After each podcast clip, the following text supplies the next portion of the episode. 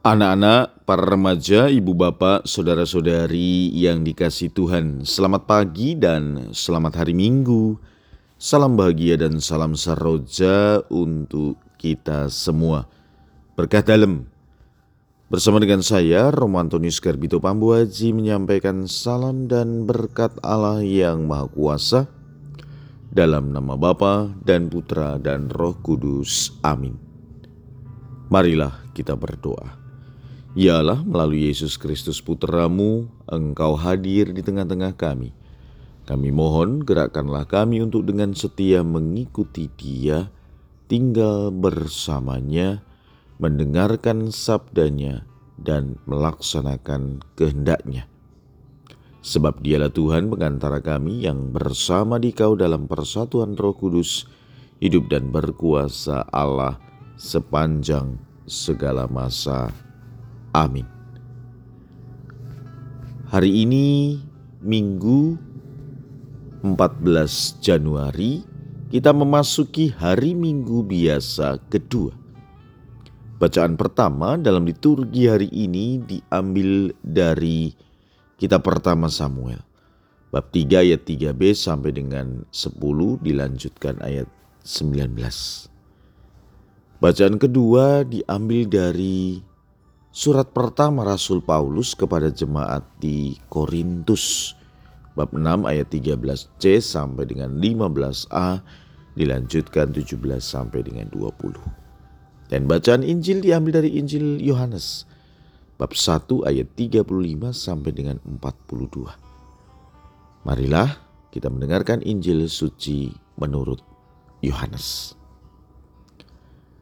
Sekali peristiwa Yohanes berdiri bersama dua orang muridnya di tempat ia membaptis orang di sungai Yordan.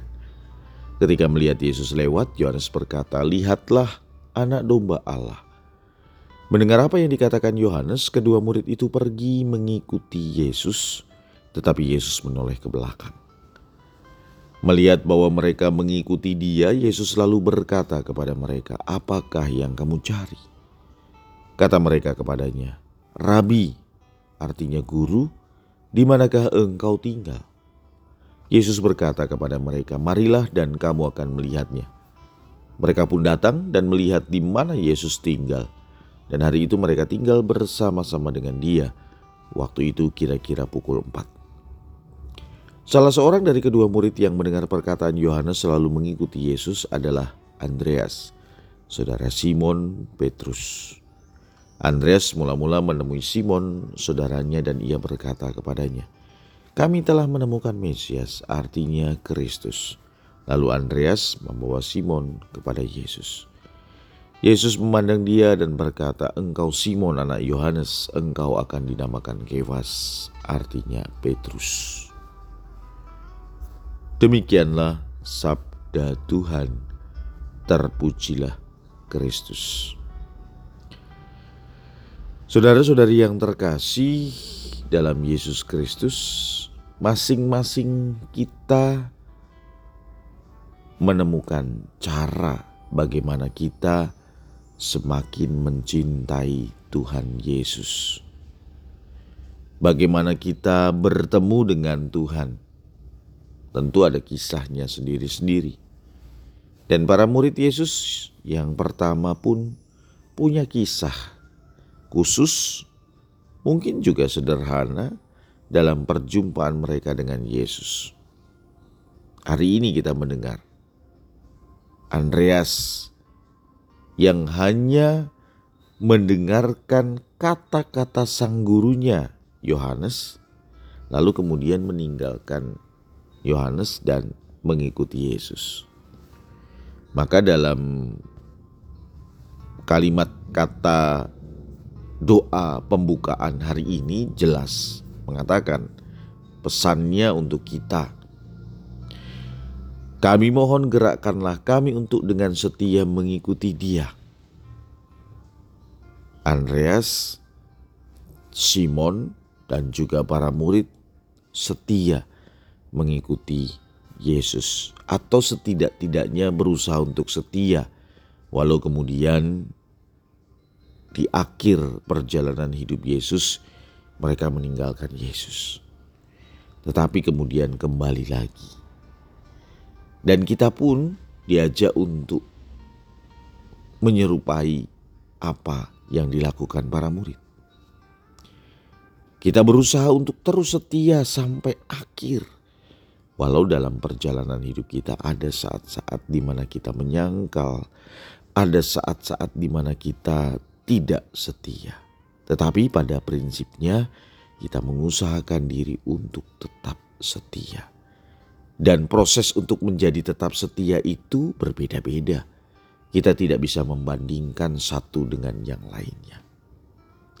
Kemudian kalimat doa berikutnya mengatakan tinggal bersamanya. Ya kalau sudah setia berarti kita diminta untuk tinggal bersama dengan dia. Apa bentuknya?